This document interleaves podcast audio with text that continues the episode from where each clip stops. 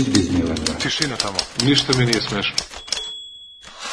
Ćao, slušate devetu epizodu podcasta Dopisi iz Disneylanda, ja sam Miljan.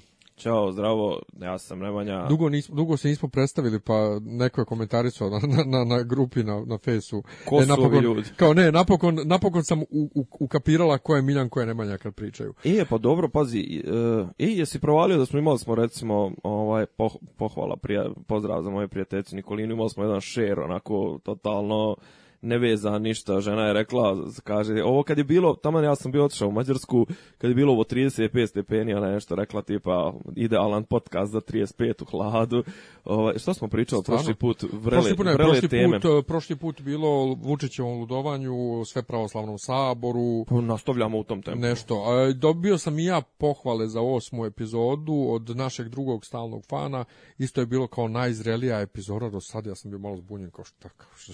sam sam pisao LOL lol.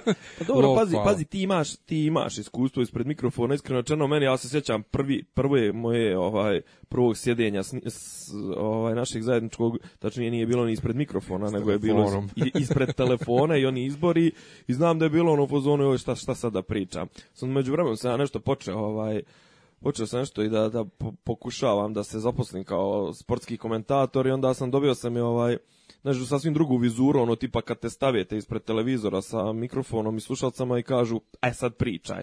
Znaš, ono, stvari koje ti misliš da znaš, u stvari znaš ih, ali ono kad, kad pomisliš samo, joj, još je to neki kao probni snimci, ali znam sad da radiš ono live, ono pred, ne znam, slušate sad lupa hiljadu ili deset hiljada ljudi, a verovatno i više, i ono kao, oh, panika, evo ga, ne, tešina, znaš, ništa ne. E, tako sam ja otprilike prvih par epizoda kad smo ja i ti ovaj, pričali, ono, bio sam samo nešto u što gljen, tako da možda se osjeti neka opuštenost. Ovaj. Pa i, ovaj. E, moguće, ali viš, to je baš e, super to kad mislimo e, i kad kod kuće sjedimo i, i znamo sve što neko radi loše na televiziji mm -hmm. ili gdje već.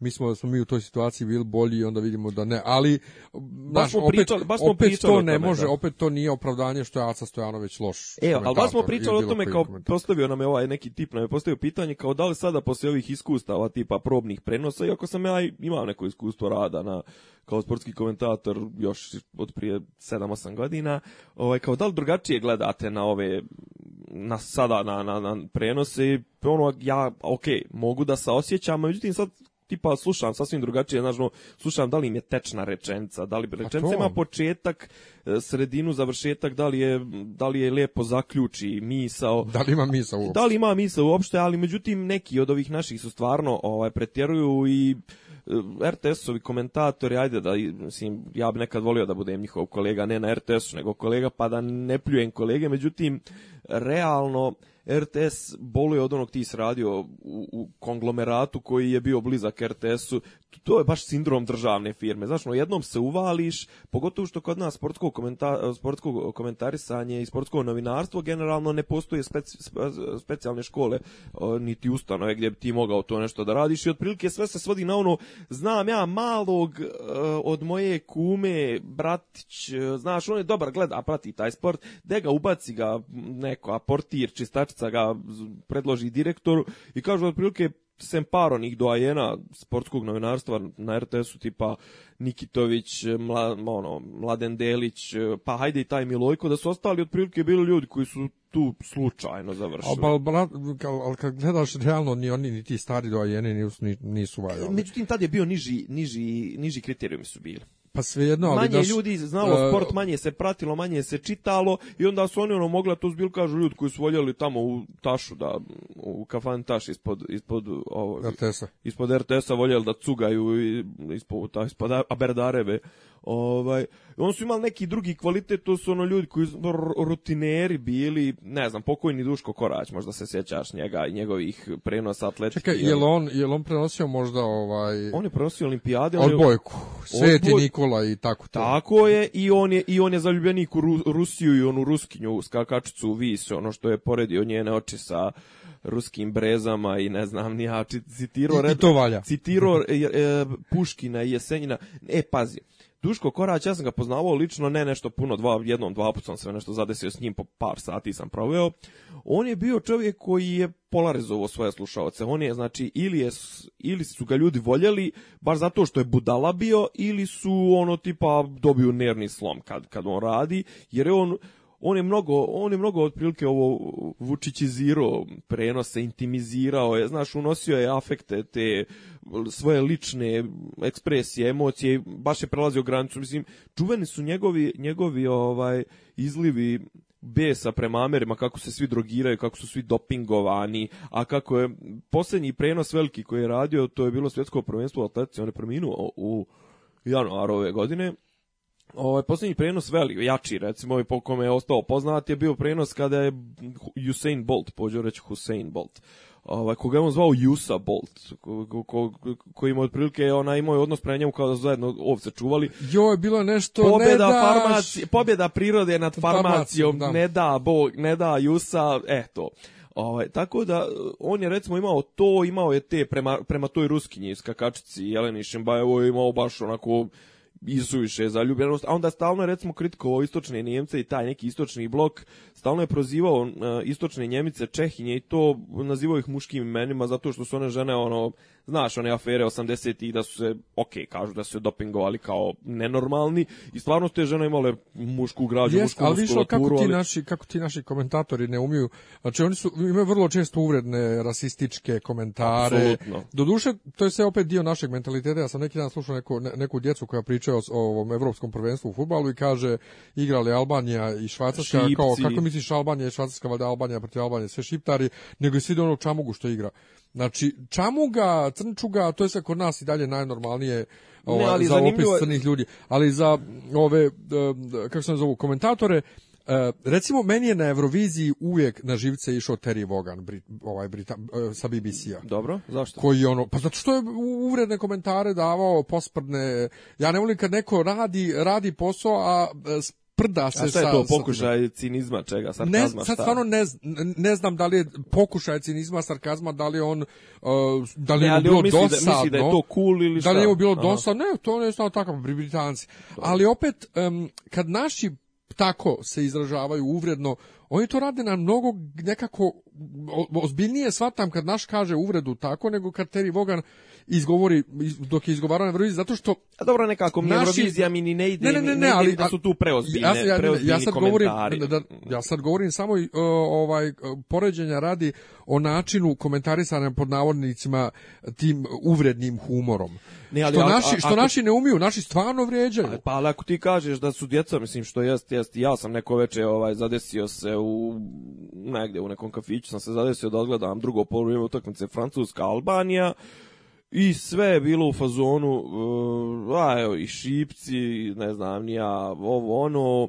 Čamuge. Mislim, da, ovaj, zanimljivo je, to, da li to ima veze sa, sa zapravo percipiranom veličinom ili raskorakom između percipirane veličine sopstvenog naroda i stvarne veličine sopstvenog naroda. Znači što si manji naroda misliš da si bitniji, imaš sve veću potrebu da, da, da laješ. Iako rasizam, da se ne lažemo, nije naš izum, što mene zapravo najviše i čudi, jer šta mi koji kurac imamo da budemo rasisti, mi smo bre, prosječan Srbin vidi 0,3 crnca u toku svog pa, života. Pa upravo zato jesmo rasisti. Zato što ne vidimo. Znači, Nama crnci nisu ništa skrivili, jebote. Drugačiji su od nas. Mislim, znaš ono mi kao... Mi smo nebeski narod, mi smo, mi smo savršeni, oni su crnci. To pa je ne, kao... ali ovo sad tipa vraćamo se na onu priču izbeglicama. Pa jebote kod, znači, od tih silnih imigranata, pa niko neće da ostane ovdje. Valjda to govori, govori dobro, i o nama i govori dobro, o našem... Dobro, na stranu, kod nas je stvarno najmanje problema bilo s njima. Pa zato što ljudi nemaju želju da, da ostanu ovdje. Pa ne samo, ne samo to, nego... Ne, mi smo se dobro ponijeli. To mi, se mi smo se stvarno, u tom pogledu smo se imamo, dobro ponašali. Imamo imamo tu neku, kako da kažem, onaj, imamo tu neku grupu ljudi, stvarno čak i srca većeg nego mislim dobro većeg nego prosječnog Srbina, ali i čak i prosječnog Evropljanina i stvarno na ponosu nam bili ovi neki, ja priznajem malo sam samo nešto. Ali, ali da se vratim samo na tu priču o rasizmu, kod nas je rasizam Aha. stvarno jeste duboko ukorijenjen. Ali ali ne, ali mi nemamo kontakt sa tim. Pa upravo zato imamo kontakt ne, ne, ali sa upravo Turcima koji koji ali upravo, liče na nas Turci su ipak indoevropski da, da narod. Da, ali upravo zato je rasizam u korenu, zato što nemamo kontakt. Znači što je narod, e, kako ti kažem, što, što, što je nacija um, homogenija, to je veća, veći strah i veća eh, netrpeljivost prema svemu što je drugačije. Ne, ali šta, šta, šta znači rasizam, mislim, šta boja kože? Mislim, Znaš. Ok, zašto, za, mislim, ok, imamo, A pa meni, imamo, recimo, meni imamo i prema žutim, ima, imamo, imamo prema žutoj prema, rasi, imamo, rekao imamo, ti, apsolutno. prema svakome ko je drugačije. Meni je, recimo, izraz rasizma, kad naš neko ode u inostranstvo, u moj brat, nažalost, kad smo bili u Egiptu 2008. i sreli u Karnaku, u Luksoru, ovaj, crnkinju, on hoće s njom da se slika.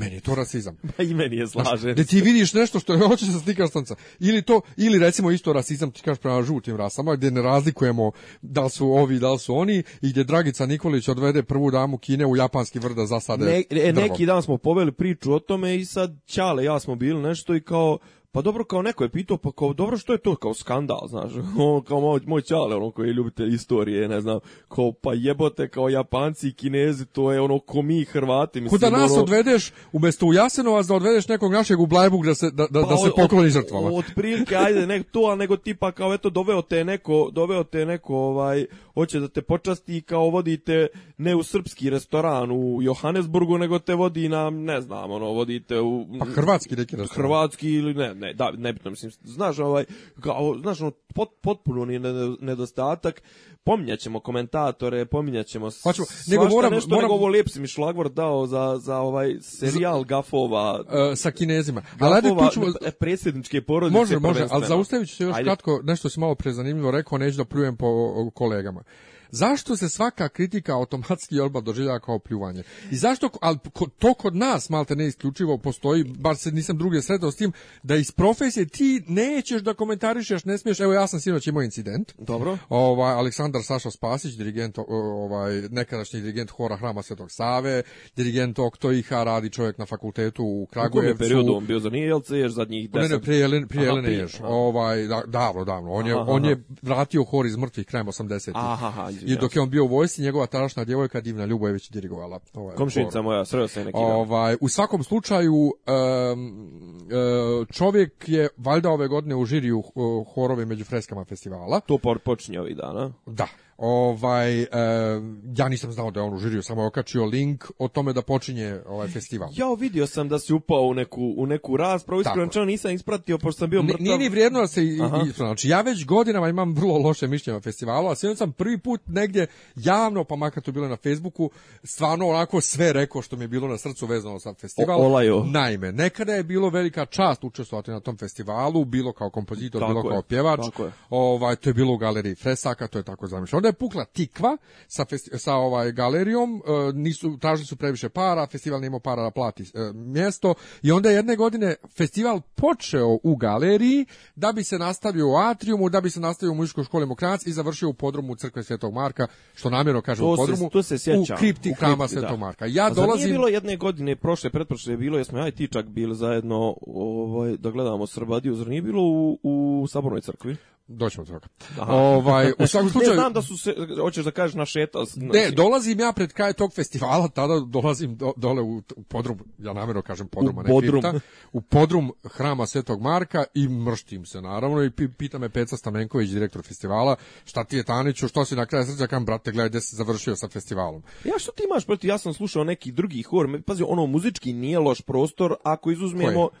Uh, kripta. Ne, ni jedan prostor loš, nije problem Mu, u prostoru. Muzički gledano nije loše, mislim jeste malo kako da Misliš kažem ponižavajuće kriptu, kriptu, ne, Kama Marka. Marka. Da. Nije nije Muzički to problem. To je onako, ima Nego neku auru, ponižavajuće neki... da tako jedan prestižan Slažim festival se. koji je pod pokroviteljstvom RTS-a i, i svega i patrijarha bio da se seljaka u toku jednog festivala aha, četiri prostora da promijeni i da završi u podrumu. Da e, onda ispod, posle ispod nivoa zemlje. To kad je pukla tikva, tikva skroz, onda je bilo jedne godine samo u školi Mokranjac, što je tek su umanuto. Pa Šta on... škola Mokranjac, kod takva, kod da ili, ne, ne, ili ona pa preko preko da puta doma Aha, da, da, da. Ovaj, pa onda jedne godine e, bio u Atriumu i onda je krenuo Predrag Miodrag, bivši profesor pojanja na Bogoslovskom fakultetu. Šef, i, šef hora pri, pri, pri hramu Svetog Marka. Svetog Marka da. I e, njegov kum, direktor festivala Peca Stamenković, isto završio čovjek kompoziciju, ali dirigent, ovaj, s kojim sam ja jako ono, super smo i dobro sarađujemo i ja komponujem za njegove horove, ne znam nja šta, ali ovaj, osnuju oni agenciju festivala otprilike korporatizuju. Da, i onda, i onda ja. E, shvate da je njima jeftinije da, da, da, da zamole crkvu da im ustupi prostor, onda su se seljakali, e, pravili su fazon kao u više hramova E, su koncerti. Pa Čekaj, pa ide... je li to kao namerno ili to neka zapravo nismo mogli drugačije, mislim. Pa nemaju para za, za, za drugi prostor. Meni, ali crkva, to jest crkve i, i ti sakralni objekti pri ovoj beogradskoj mitropoliji ima sasvim pre, dovoljno i prelijepih objekata za izvođenje, mislim ja ne vidim problem u tome šta je. Moj problem je što to nije namijenjeno za to. Pa do, ali čekaj. Znaš, crkveni jel... su za... De, ja sam radikalan u tome. Okej, okay, ali jel zanima za nema patrijaršija neku kongresnu salu, možda ne, čak i neku za izvođenje? I, ima, vjerovatno, ima. Ali nebitno, oni su napravili tako i to se selja kao tako. Ali čekaj, ali kod nas u crkve su, uh, me, me, e, dobro, evo, recimo ja sad, ja i ti se nećemo složiti, meni su crkve prvo što su akustični, akustički gledano fenomenalne uvijek. Druga stvar, uvijek je ljepota izvođenja u crkvi što je i narod je mnogo i publika je mnogo kulturnija i opreznija i više poštuje jednostavno ima izvođenje u crkvi duhovnih kompozicija naravno ne govorim bilo kakvim drugim daje jedan daju jednu uzvišenost cijelom cijelom događaju nemam ništa protiv lijepog pjevanja mislim ok i bogosluženje ovaj uvijek uvijek je ovaj uživanje pjevati u crkvi, ali može i da se peva duhovno. Nemam ništa protiv, kažem, bude dobrih koncerata. Ne, ne, kažem, I uvijek ja ti to kažem, zvuk je boli glava, ti si okej, okay, ti si... Ja sam, ja sam tu stvarno radikalan, radikala, ja to ne bi dao. S tim što bi, recimo... za šešelja. Mogo bi, da, da. Mogo bi da podnesem, recimo, da ne stoje ispred oltara, nego da, da, se, da, da pjevaju sa balkona. Dakle, ja, e, mi ti smo, ja ti smo nastupali, ja mislim, jednom tako zajedno sa Srbadijom 2000 neke treće, recimo, tako nešto gore u brdima e, hrama Svetog Save. Mm, prvi, prvi ja, festival. Ja, da, Nista, ja tad nisam više bio u Srbadiju odavno. A ja ali, sam bio, ja sam ali bio u hramu se tog Save tad bio, a to zovemo onaj Svemirski sabor a srpskih to, horova, gdje su gdje Šaša Vujić doveo sve. To je, ne, to je bilo grozno, ali to. Hram Svetog Save nije za koncerte, nije. Pre, previše, Prevelik. šeta, Aha. previše šeta ton. Ali poenta je bila, ja sam to napisao, napisao sam kako su oni onda počeli ide, na prva ide, dva ide, festivala. Vraćamo se na kritiku kolega, okay. Da, na prva dva festivala podelili nagrade međusobno, e, Peca i, i Predrag Mio Drag, uh, e, i dari, ne znam ja kome dali, znači ljudima koji trebaju da budu van kategorije i ljudima koji su u organizaciji festivala koji ne bi po, po nekom moralnom pravilu trebalo da dobiju nagrade. Zatim e, što tu se braca naljutio na mene Braclav Prokić, sam mm. rekao, pa eto već pomenuti bracer je neko u šali pomenuo, izlazi sa tri hora, pa onda svaki student akademije na drugoj ordini mora ima svoj hor, imamo 30 pevača u Beogradu koji kruže po svim uh, horovima. Da, da, da. horovima. Programi su svima isti, festival ništa ne čini da unapredi to još kad zada obaveznu kompoziciju izađe 10 da horova pa sa istim kompozicijama. Možda da ga razlome na neko bijenale, na kvadrijenale, ne, ne, pojma, ne, nego samo mora selekcija, da se... mora selekcija da bude stroga. Dakle, ako ne se može stavi... selekcija biti stroga kad, sve slabi, može. kad su da sve slabiji horovi. Pa, nema veze. Ako ti daš obaveznu kompoziciju Voje Ilića i njih 15 horova ti prijavi Blažena, ne može. Izvinite, ne možete to da izvodite već kompozicija, već... obavezna kompozicija, nije obavezan kompozitor. Ne, ne, obavezan obavezan kompozitor. A, da dobro, ali meni uvijek mi je pa nekako mi je logičnije da bude obavezna kompozicija, da, da vidimo kako A ne, ne, ovo ovo ide, ovo, ovo ide neka, jeste takmičarski, ovdje je logičnije, recimo proglasi se godina Kornelija Stankovića, pa sad e, znaš da bude posvećeno Pa znamo ono da će svi izabrati neki klasik ili nešto pa, upravo, to pa, ili to. I zato treba dati Pa ne, ali ako ćemo gledati onda kako svi izvode istu kompo, istog kompozitora, daj da vidimo i kako izvode istu kompoziciju. Pa zato nije, meni ovako pa bolje, recimo, da te godine kad je bio Vojelić, te godine kad je bio Vojelić, kad je 15 horova pjevalo Blažena, Katarina Stanković, koja sad vodi Ars Vokalis, pričali smo o njoj, ona je izašla, izvela celu liturgiju njegovu koju niko ne izvodi i to je bilo ok, bravo je da čujemo napokon čovjekovu liturgiju. Ali hoću da kažem, ja nisam ništa mislio loše uh, ni o tim ljudima koji to rade, mislim, ja sam samo iznio kritiku načina na koji se festival kvalitativno i organizacijom srozao i to je tako. Razumeš? Znači, oni nemaju para za galeriju fresaka i sad kažeš horovi među freskama, održava se u mučkoj školi Mokranjac izvini, to nije više taj festival. Pa nije među freskama, svakako. I zašto, da, i zašto, sad, zašto bi se sad iko naljutio, a dvoje ljudi se naljutilo i kao šta je tvoj cilj tih komentara i ne treba to tako, jeste, mi se sve slažemo s tobom, ali ne treba to tako. Pa čekaj, ako se slažeš, samo šta je problem da kažeš otvoreno. Ne, zašto je por... I kod, kod, a zašto je kod kolega, sportskih svi se, slažu, svi se slažu da neko nešto loše radi, ali ajte nećemo da mu kažemo... Znaš kako, šta? ne, fora kod sportskog komentarisanja je pod broj jedan što 90% Srbalja kao što misli da zna ko bi trebao da igra za futbalsku reprezentaciju i kao što misli da, da, da bi mogla da bude mandatar vlade, tako 90% Srba misli i da bi da, da, da zna da, da komentariše sport. Jer Srbi imaju mišljenje o sebi da, da su veliki poznavaoci sporta i ok, i stvarno to je jedna od najtežih branši, mislim jedna od najljepših zanimanja što se tiče toga da uglavnom to rade ljudi koji to vole, sa izuzetkom ovih na RTS-u, ovaj, a s druge strane to je jedno od najnapadanijih eh, zanimanja zato što si ti si na udaru kritika i i ok, na udaru se opravdani kritika. Pa čekaj, naravno, što... većina naših komentatora se svodi na to da ti e, da prenosi TV prenos kao da slušaš na radiju. Dakle, opisuje ti, opisuje ti, šta vidiš na, na ekranu. Ako nije to, onda su neke aca, recimo, ima sasvim drugi pristup, on ima te neke pikanterije iz privatnog života igrača koje su apsolutno degutantne, nema potrebe da se iznose. I, jel ono je što čita misli? Tako je. On čita misija, imaš recimo njegov jedan kolega koga zovu statističar. Znači, čovjek recimo izgubi se u statistici, mislim da je on rekao za golmana njemačkog Genkea, ovaj, a, nije ne može da nastupi iz i povrijeđen čovjek se ubio par meseci prije toga ili par sedmica prije toga, on rekao ne može da nastupi povrijeđen, jer on je vidio da on nije u protokolu, znaš. Mislim, strašne su to stvari, ali kažem, ok, nije to laka branša i kažem, svi misle da mogu to da rade, pa probajte, baš su pričali mi ovi momci sa, sa, sa ove televizije, kao u fazonu, s vremena vrijeme imaju praksu da neke od tih njihovih najžešćih kritičara koji im šalju one bijesne mailove, koji im šalju 10 poruka dnevno, da ga zovnu i kažu evo, izvolite, odradite jedan prenos i onda uglavnom 50% ali, ali, ali, ali nije to fair. Jedno je kad ti prvi put sedneš za mikrofon i pogubiš, se, a drugo je kad ti već to hiljadu puta radiš, Slažem ne možeš da praviš e, takve gafove. Ima, dobro, okej, okay, ali hoću da kažem da nije lako, znaš, ono, svi misle da znaju dok sjedimo ja i ti sad ispred televizora. Pa isto kao kviz, kad gledaš na televiziji sve znaš, a kad sedneš u studiju, Upravo, misliš, tako, upravo tako. Naš veliki je pritisak taj taj e, mikrofona, gluve sobe, ono pogleda stoncem koji je uvijek nadrkan. Pogotovo na, na RTS-u i tim državnim medijima ton su uvijek nadrkani. Nego ne možeš posle hiljadu prenesenih utakmica da praviš gafove kakve naši prave. Slažem I kad smo kod gafova, posjeta kineskog predsjednika.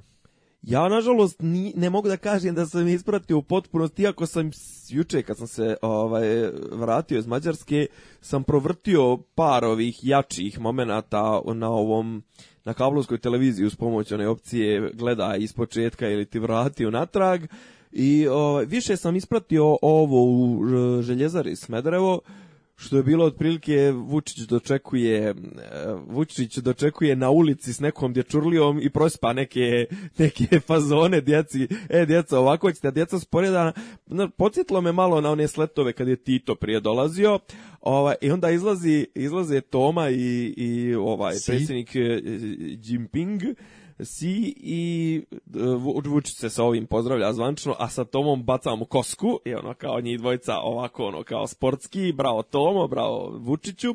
Ovaj, ali uglavnom Toma je ja sam rekao da bi Toma i Dragica Nikolić predsjednik i e, Predsjednica. nazovimo je prva dama, pre, supruga tačka predsjednik. Znaš da ona ima sajt čiji je domen supruga.predsjednik.rs. Eto, eto, googla je. Čekaj, to je ona njena fondacija, kao, jel da? Ne, ne, zvanična prezentacija prve dame. Su, su prve dame. Uglavnom njih dvoje bi trebalo da napišu neki svoj protokol. Jer jednostavno ljudi ovaj protokol ne jebu očigledno ni dva. Sti, ni dva bilo je nešto gde se u, gdje se njih dvoje, njih, njih dvoje zdra, zdravili. kreće Toma da se pozdravlja sa svima i, onda ona, trenutku, ona njemu pruži ruku, on njoj pruži ruku i pozdravljaju se i onda da izvuče stvar Xi Jinping se pozdravi sa svojom ženom. meni, ali viš, meni je to donekle simpatično. Pa, to Znaš zašto? Zato što većina zemalja svijeta ima tu prvu damu i prva dama prati ovaj muža na putovanjima, ima tu neku funkciju. Kod nas do sad toga nije bilo. Znači ovaj pa Koštunica je hodo sam, Tadić je hodao sam. Kriju žene, da. Znaš, ovo mi je simpatično. Za Vučića, za Vučića ne znaš čak, doduše, ajde, on nije predsjednik, ali ni ne znaš, ono, znaš da je bilo Znam. moratorijum na, na informaciju da je... Oženio da se, nije se oženio, ponovo se razveo, šta pa god. Pa zbog toga kažu da ali... da, je, da je utisak nedelje zbog toga ukinut, zato što je Žarković iz vremena re, onaj pričao o tome E, ovaj, u emisiji. A mi je super bilo ovaj, kad se Dragica pojavila s Tomom na otvaranju olimpijade, ono, nekako mi je to bilo slatko. Je, ali, ali, ali su, ali su tu, je, tu, je bio, tu je bio dobar, jer šta je, ne, na, ne, man, na, na um, uh, Mandele. Man, man, uh, da, Mandelenoj sahrani, svi dok su opaljivali selfije, Toma je bio onako iskusno čovjek sa dosta iskustva pri ukopima, pri sahranama, pri opelima, on je to odradio onako profi, znaš, onaj, jednostavno vidiš, vidiš iskustvo grobarsko. Tako da tu tu respekt, znači on je, on je ubio se za, za te komemoracije, ispraćaje sahrane, uvijek je tugaljiv, ima tu facu, ima to smoreno. I, i kažem, to je bio jedan jedan kiks, drugi kiks je bio fotografija. Doveo rodbinu da se slika s kinezom. Unuč, unučad. Dvije snaje, dva sina. Ali nije taštu i silnu unučad i nije ni priku, jeste? Nije ni tašto, nije ni prijatelja ovoga Bačevića. Uglavnom, Xi Jinping i njegova žena se slikaju sa Tomnim unučadima. Sad ja zamišljam scenu da se unučad Xi Jinpinga traže, traže da se slikaju s Tomom. Jo, ali... Ne, ali znaš, kakvi su to, kakvi su to gafovi, znaš, ono, pa da li ima neko u tom protokolu da im kaže, ej, ovaj, znate, to ne ide, tako mislim, te jebote, ja sam čitao, mi smo imali neki... znaš ko je njima u protokolu, ko, su, ko su njima sa, savjetnici ne, ne, i pomoćnici? Ne, znam da je, znam, znam, znam Stanislavov pak, znam za ovoga, ali on je sada uh, on je sada ambasador Oliver Antić, bivši profesor sa pravnog fakulteta. Ma oni neki Simo, onaj neki ne, oni. To nije Simo, Simo i, i, i Mario su internet savjetnici, uh, oni su savjetnici za bot, ovo, stvari oni su glavni za botovanje, na njih, na njih misliš. Sve jedno, aj, aj, ali, ali oni su pri, skoro... ne, oni su pri, pri Vučiću. Ali ne, naš... oni su Tomi dodeljeni bili nešto kao savjetnici. Ja ne, znam, ne Mario, ja nego znam da Tomo bre, Tomi, Simo. A, Tomin, Tomin glavni, glavni čovjek za te, za te međunarodne odnose, savjetnik je bivši ministar inostranih poslova e, Mrkić onaj što je pozapošljavao hiljade onih Ma jeste, jeste. manekenki starleta, ali on makar čovjek bi trebalo da zna protokol. A se ti sjećaš Druga kad stvar, su njemu onaj govor prepisali s Wikipedije, kad je ono Joj. Nešto mimo govor. Nego čuj šta on rekao pred dolazak ovog e, predsednika. Kaže, nakon toliko godina kineski predsednik dolazi u Srbiju. To je kao kada posle duge zime dođe proleće. Sve će da procveta posle ove posete dru, druga Xi Jinpinga. Jel, me, druga? Druga Xi Jinpinga. Sve će da procveta. Wind, uh, nije winter is coming, spring, odnosno, spring is da, coming. Odnosno, Tanjug nije čak ni kako treba ni preno napisao sve će procveta. Bez da. Joj, bože, onda imao još neke, imao neke ovaj, izjave, imao tog tipa, uglavnom, a ne, ali kažem, protokol, protokol se ne mijenja. Druga stvar, protokol, govorimo o ljudima, o osoblju koji se bavi protokolom, To ne bi trebalo da bude ni stranački podložno. Prvo, to je jedan mnogo zamoran, mnogo dosadan posao. Znači, tu ne možeš da staviš jebenog Simu ili nebitno koga. Tu moraš da staviš nekoga ko ima 20-30 godina iskustva. Bre, mi smo imali na pravnom fakultetu, imali smo izborni predmet, diplomatsko i konzularno pravo i tu ima i priča se malo i o protu protokol je bre nauka za sebe. Znači zna se kad ko potpisuje, kad ko ovo, ono kod nas je sve o ruk vidio se da si ih provode, ja vidio, ima slika isto i kruži na internetu, provode Aca i, i Toma provode Xi Jinpinga pored, pored, pored ov, ov, ovce, janjeta i praseta koje se okreću na ražnju, mislim. Joj. Znaš, onda tipa neki kao menije izašao, šta su jeli, Pa iskreno rečeno ja sam bolji ručak, danas žena znači ovaj ubiva a, a oni on su nešto, jel, kao je vode na ćevapi na burek. Mislim, okej, okay, ajde kao Dobro, pokažemo, nemaju, ajde. pokažemo, znaš, ovaj, šta je, šta je ono još bilo, onda kao tipa hvala vam što ste poslali tri miga, ono ja sva tri miga koja rade smo poslali njemu u, u njegov avion da dočekaju i da otprate. Juče je letlo nešto. Ja sam juče inače, ovaj stigao sam iz Juče sletli ti neki migovi. Stigao sam iz Budimpešte do studentskog doma sam stigao za 3,5 sata, a onda sam od studentskog doma do Senjaka putovao 45 minuta. Naravno mislim zbog pa zbog Kineza, e, jer, ali jer bio prva, prvi dan. Okay, prvi, reksu, prvi, e, prvi dan kad je, bilo pa prvi, pa prvi dan kad je bio bio isto haos, blokiran grad bio i ono nije se znalo kad će šta biti zatvoreno, kad će šta biti otvoreno i tu je bio haos. I mnogo ljudi na Facebooku komentarisalo ono I često kad su strane posjete pa bude tako nešto ljudi Dobro, komentarišu. To je velikog grada, mislim. Ali moram da kažem i mene naravno, i mene nervira. Ja sam isto najbo, ja sam najbo isto taj dan. Nervira Našao me, ali na ne mogu ja to, mislim, neći, ali pa poenta pa je, u, je u Berlinu je isto pa tako. Pa naravno. Znači kad Obama dolazi u Berlin, isto se zavarivaju šahtovi, Absolutno. ne smiju da se otvore roletne na prozorima i upali su u Berlinu neki stan zbog nekog bio neki poster na nekom balkonu i oni su upali zbog toga i porazbijali se postavljamo i kako poster ništa nema političko, ništa, da, da, da. bez veze. Ali ne sme ništa bude tačka. Tako da to nije, što smo mi banana država, druga nego stvar, je... Druga stvar, Xi Jinping je uh, klasa Obama i Putina. Pa jeste. Da. To je sve to trojstvo, mislim, ne postoji i možda eto donekle Angela Merkel, to je četvrti lig da kažem i možda eto francuski, britanski, ali mislim tri najjače, ne, ne, najjače. Kina, Kina, Amerika, Kina, Amerika, Rusija, to, to je to, je posebna mislim, priča, Putin, ali, ali, ali, opet nekako se čini čini se pretjerano. Ako će onda prozi kolima pored Sava centra da ovamo bude Branko Most zatvoren ovaj u oba pravca i da, da. autobusi ne, znaš, kao mal, mal, malo je bez. A znaš kako, to je malo i naša ta malo nam je to donijela ovaj doduše nije to samo nije to samo vezano za ovu vlast, ali generalno ovaj naš premijer e, sadašnji to jest tehnički premijer a aktuelni mandatar on, kao što smo sto puta već do sad rekli, 50% vremena provodi u kinjenju i u napadanju, 50% provodi u servilnosti. Servilnost mnogo više izražava ka vanjskim, ovaj, kako ja da kažem, komintentima, ka, ka inostranim e, političarima, partnerima, svima koji dolaze sa strane, dok unutra, e, kako ja da kažem, šilji patku mislim patku o patkama ćemo ovaj posebno. Ali kažem, naš ima to stalno, on stalno to potencira mi e, bićemo bolji Njemci od Njemaca, bićemo ovo, pa bićemo ono. Aj to je pričao juče u Smederevu ljudima. E, tu sam Vi ste čuo. imali takve te plate, ovo ono hvala što ste izdržali, imaćemo veći rast nego Nemačka, ovo ono. Pa danas je, biti... danas izašao Blitz strip kao eno Angela Merkel u depresiji kao jao kao pa da li ćemo mi kada dostići stope rasta kao Srbija gleda ona izjavu Pučićevu na televiziji to dva i po puta puta najavio jači rast od Njemačke. Pa to ne, juče to, to isto, ali i si, i si se juče prospo isto u Smederevu, rekao je kako će željezara da, izvu, da donese bolji život Srbiji, ovo ono, bla, bla, bla, bla, bla. A mislim, ta željezara... 25. jula ti znaš da moramo dodale da pjevamo, to čito. čito. Uh -huh. Premijer je rekao da sve će biti super samo ako do 25. jula da bude ako 25. jula padne kiša za kukuruz I on je to nije, nisi to njegov tu izjavu. Pa ne, ne pratim ja njega. Jao, čovjek. Ti si, ti si u ovoj emisiji zadužen da pratiš Vučića. Da. Znači 25. rekao je i to je dva dva dva, dva tripta ja mislim ponovio. Ne interesuje mene ni patke, ni, ni, ni ovo, ni ono. Mene interesuje da do 25. jula bude, da 25. jula bude kiša, da bude dobar kukuruz, jer će to uticati na GDP. On govori GDP, jel da?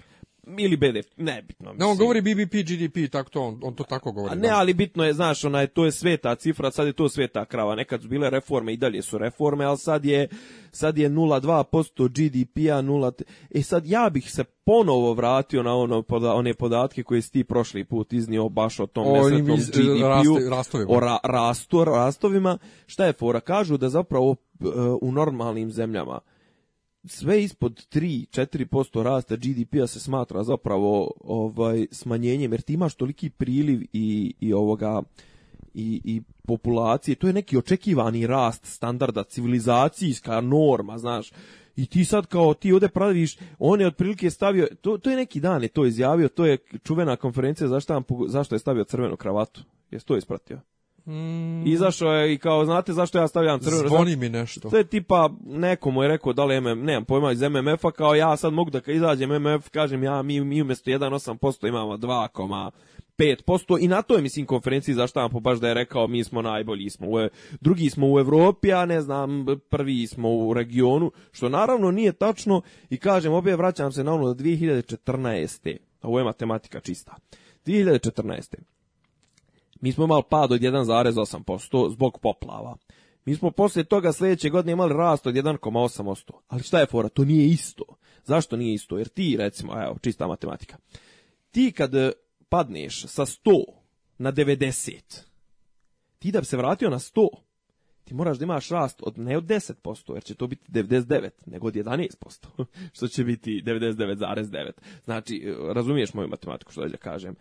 Ne. Pa, znači, ako si imao recimo ove godine, imaš 100 dolara. Yes. Imaš pad u džepu od 10% ti imaš 10 dolara, 10 dolara manje, znači imaš 90 dolara. Tako je. Ako hoćeš da se vratiš na 100 dolara, to, da, da, ti moraš okay. znači da imaš porast od 11%, ne, da, a ne zavisi, e, zavisi koju od relativne osnovicu. tako, relativna šta cifra, os, tako. Osnovica. Znači, ali kažem, is, is, is, isti, ista cifra pada i rasta ne rezultuje vraćanju na nulu. Tako je. E, o, e kažem ti, mi se, znači, konstantno mi se vraćamo otprilike, mi smo sad negdje na nivou 2013, a 2013 smo bili na nivou na kom smo bili 90 možda 89. nebitno 87. Uglavnom on priča o kako smo mi tigrovi i to, zašto to pričam, to Angela Merkel.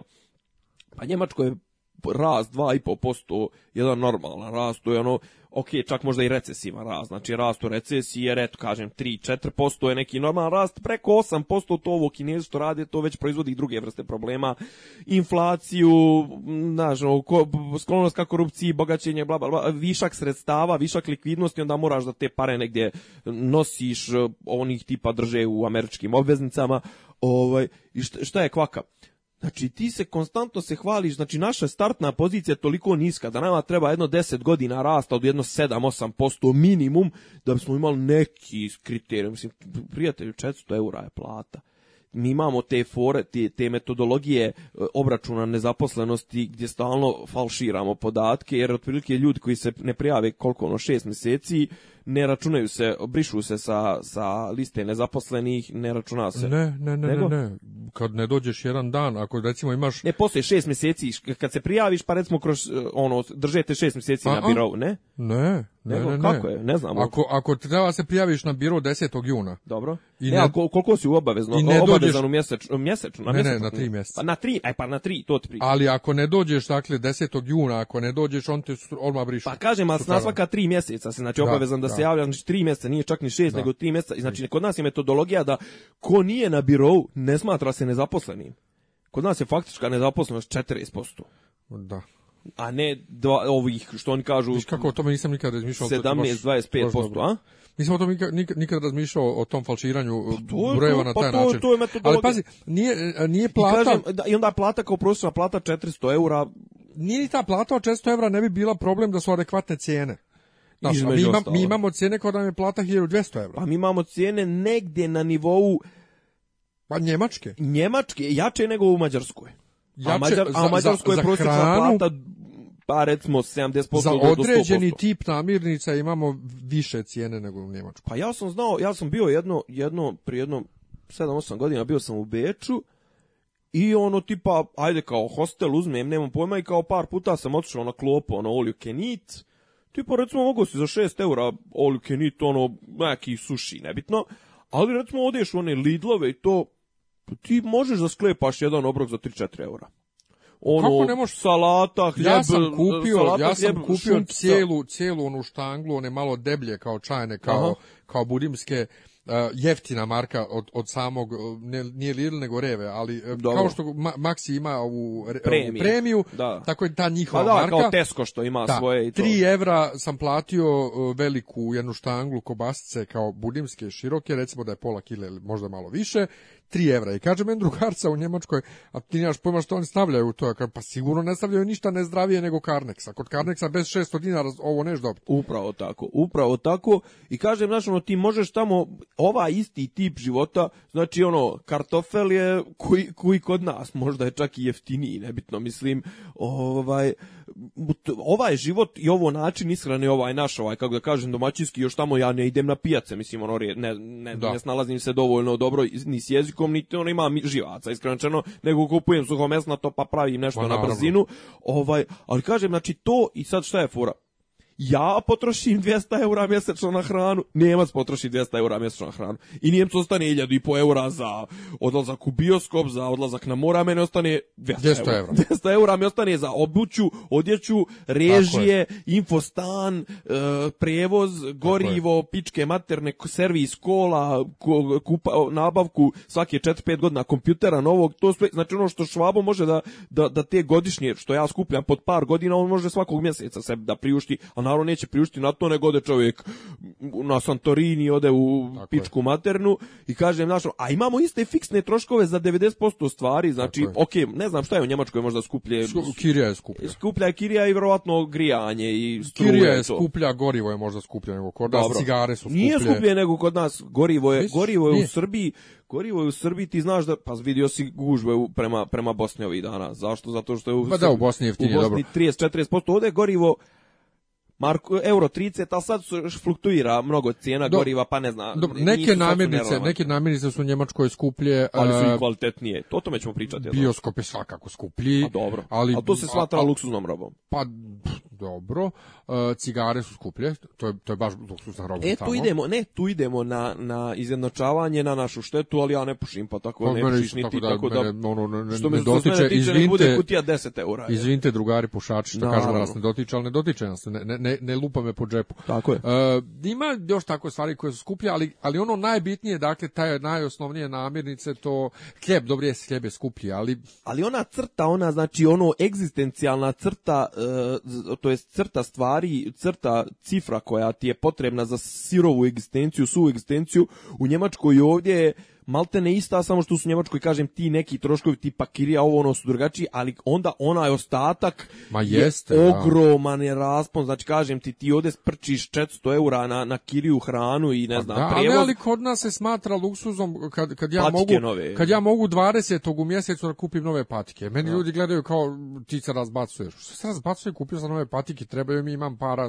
i kupio sam, razumiješ? To, I to je stvarno žalostno, koliko smo mi odviknuti od normalno normalnog života, da je sad kod nas normalan život luksuz. Pa ne, kod nas je luksuz, kod nas tako, je luksuz odlazak u, u, u akvapark. Pa to, i onda dođe tako Majmun Vučić i kaže, eto vidite, super, imamo super rast, bit ćemo kao Njemačka, ima, da brate, jebo ti rast, jebo ti već visinu plate, da ti meni spusti cijene da budu na nivou, i evo ovih da baš dana razmišljam ovaj, o, o cijenama, pričao sam već o tome zašto je u inostranstvu naša roba skuplja nego, nego ovdje. Evo, jeo ne, sam... Ne, ne, jeftinija mislim. Jeftinija, da. Evo, jeo sam, Jeo sam Samo ovih što u dana je plazma jeftinija i mlijeko to nego i ovdje. Jeo sam ovih dana, ovaj to jest sad ovo proljeće, jeo sam jagode iz Grčke koje mm -hmm. koštaju 100 dinara. Jeo sam nektarine iz Španije koje su isto nešto 100 dinara. A kromp, evo sad krompir iz Kazahstana, luk je iz Argentine. Nebitno, mislim. evo sad trešnje ovih dana se prodaju, vjerojatno su naše. 300-350 dinara kilo. je. da, da, da. Čekaj, stani. Zašto, je, zašto su mi jagode iz Grčke jeftinije nego, nego trešnje iz Srbije? Jebe u maj... Ne, sad i to je pitanje kakva, kakva li roba tek nama stiže. Pa te jagode i te nektarine su bile dobre, vala. Jel? Pa nego dobro. mene zanima zašto je sad naše domaće voće kod nas skuplje nego e, uvozno e, a sad, a egzotično ja, voće. E, a sad ću ja reći, recimo, Pritom, jagode nisu jed, egzotične. jednu stvar, jednu stvar koja je zanimljiva. Uh, ok, naši gdje god imaju priliku da zapale nekoga, jel kupca domaćeg, da li kupca inostranog, zapalit će ga. E, šta hoću isto da kažem, gdje god se naši osjete i olejaki, tu će da se pojavi ugradnja. E, čuvena su, čuvene su priče iznova svake godine. Malinari. Malinari. Ali, kaže, ove godine imaju problem što je mnogo je loša malina, zato što nije bilo sunca. Prc. E, ali nije meni prc, prc, znaš šta je problem s malinarima? prc je prc je malinarima, malinari ne najebu tu. Znaš ko tu zapravo uzma kajmak? Hladnjačari. Šta je kvaka kod maline? Malinu moraš da bereš u određeno doba dana. Mora, možeš da je bereš ukupno 15 dana godišnje. Moraš odmah da je stavljaš u hladnjaču i onda njih hladnjačari ucjenjuju dušu im vade. Mislim, ja imam neku sobstvene neke proizvode, ovaj, sobstvenu neki voćnjak eh, i, i, i osjetili smo, bukvalno osjetili smo to kad te jebu prekupci. Znači, mi odemo u selo susjedno i kažemo, ej, ne znam, toliko i toliko je naš proizvod. On kaže, po pa meni stigao poljski poljski ovaj isti vaš proizvod stigao mi jeftiniji od vašeg. Pa reko, čekaj prijatelju, ovde znaš da nije ni bacano ništa. Evo imaš atest zemlje, znači imaš sve, znači samo je prirodno đubrivo bacano i obogaćivano, ne znam, ono natrijumom, šta sve stavlja se kalijum, fosfor. Pa ne, ako mene ovo jeftinije, znaš, ono. I onda ti prekupci, ti hladnjačari to ubijaju jebu kevu, znači, a kažem ti, a malinare mogu da ucinjuju zato što malinare u roku od 15 dana moraju da se oslobode iz zaliha, druga stvar, malinar dovede berače i on ljudi to beru, on to beru ništa tipa ko onaj, u onom vicu, onom, ono, onaj runolist, kad onaj bere pa mora biti ugao svetla, sunca 45 stepeni, mora rosa tek da bude osušena, mora ovo, ono, znači, malina je, ne, ne postoji, krvavi posao, znači plus su malnjaci, to, to, to, je, to je zajebano do zla boga okay. i, onda dođu, i onda dođu ti, kažem ti, e tu se tu ugrađuju ti hladnjačari. Dobro, a što su onda strane malnefti nije? Šta? Pa zato što nemaju te hladnjačare. Šta, lošije su od naših? Ni, ma, ok, i lošije, kažu da je to, to Arilje tamo, taj užički kraj, taj, kažu da je tu bedljivo najbolji, e, maltene u Evropi, najbolji kraj za malinu. Međutim, kažem, kod nas se ugrađuju ti, jer hladnjačari i malnar nisu isto. Dobro, a, a znači- šta, znači, on, šta onda sa trešnjama? Što su trešnje skupe? jebem li ga. Zašto je sad prosjek, zato, prosjek ile trešanja? Zašto, zašto, kjer, zašto kjer liže svoja muda? Jer može, mislim. Pa mo, i ovim se, mislim, može, ne, pa kaže, to je bezobrazluk, mislim, okej, okay, ali pazi, sve te što je manje bobičavije, trebalo bi da je skuplje jer ga je teže brat. Mislim, kod mene ovu, ovaj, bobice ove što mi proizvodimo, dvije žene koje su profi, koje beru 12 sati dnevno, od 5 ujutro do 5 popodne, koje, znači, žene ne ustaju, one ne mogu da naberu više od par desetina kilograma. Znači, a ti par desetina jabuka nabereš za pola sata. Znaš, ona, ima, ima između, između ostalog i to i zavisi, mislim, mnogo je, ali kažem, konkretno za trešnje ne znam, za maline znam. Ovaj, nego da mi, da mi idemo dalje, e, znači imali smo i vladu, e, vlada se formira, dobija neki oblik. A ne, od danas baš čitam, onaj, ima dobar komentar, je bio isto, ono, znaš da ima ono kao vreme, objavljuje komentar dana, da. i danas je bio, mislim da je bio Švarm, ovaj, Filip, i ono u fazonu, e, je, jedini čovjek koji se trenutno opterećuje time kako će vlada izgledati, to je Vučić koji je kao u pauzama toga i naravno ovi koji će biti u vladi, mislim, jer, jer ovaj, ako će biti Daček u vladi, svi ovi isti, opet vraćamo se na ono pitanje, pa prijatelju, što smo išli na izbore?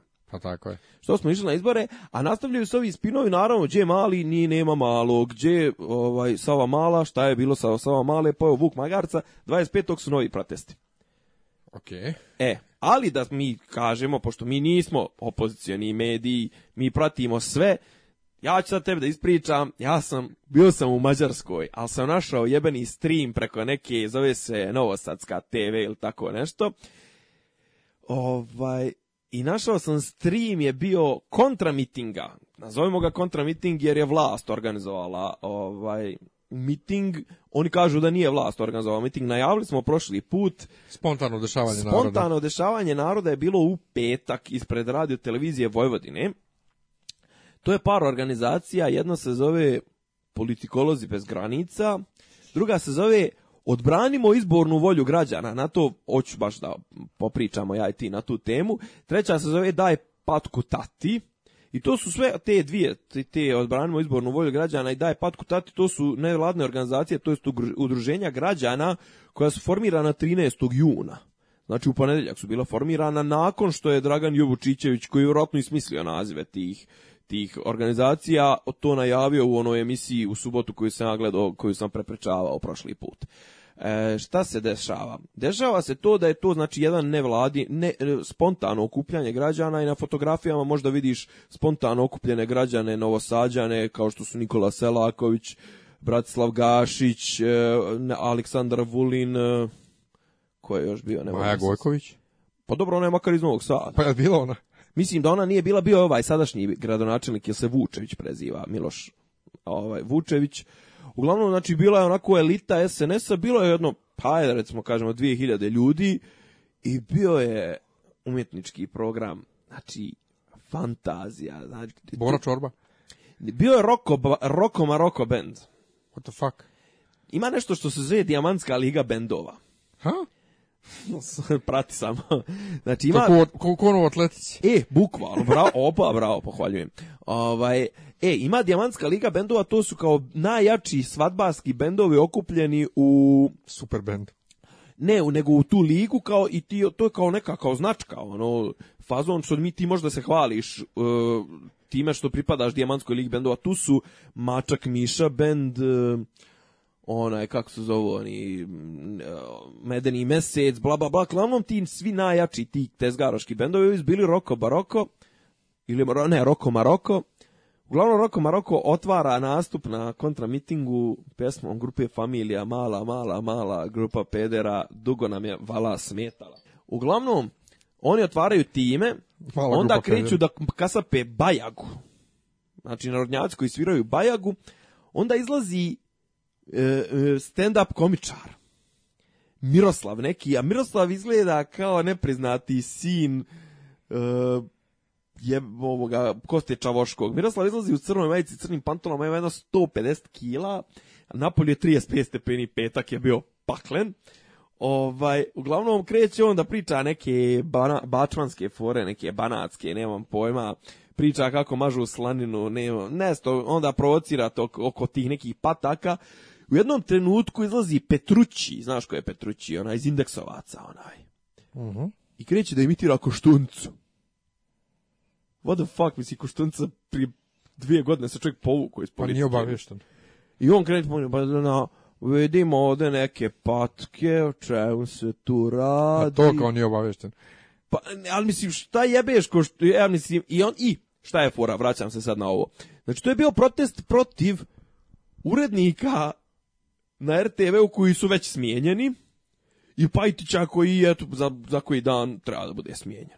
Znači, protestuješ protiv ljudi koji su već prošlost i onda, e, zašto sad, dok sam dolazio k tebi sam razmišljao, znaš, kao, odbranimo izbornu volju građana. Znači, šta je, šta je problem ovoga? Što t, i dalje ova sadašnja vlast i njihovi birači, on se osjećaju ugroženo od strane te svih vrsta manjina intelektualne manjine. On se plaši svako ko je pametniji od njih, svako ko je drugačiji, vraćamo se na onaj rasizam, seksualnih manjina, eh, etničkih manjina, rasnih manjina. Znači to odbranimo izbornu volju građana, nas je 50, nas je 50%, ali ovi ovdje ajde, ajde da im ukinemo sve. Znaš, ono, ali to ti je upravo opet e, ogledalo našeg društva Dobro. gdje uvijek većina se osjeća ugroženom od strane manjine. Pa bilo da treba da se održi gej parada, bilo da treba da se održi bilo šta što je, što je manji, manjinsko, većina se smatra ovaj terorisanom i ugroženom potpuno, potpuno prestikano. Znači, u, vlada nam je, to je vlast up, bukvalno onakva to, up, kakvi smo mi. Pa upravo to, znači, to je ovo, kažem, ono, ja, ja,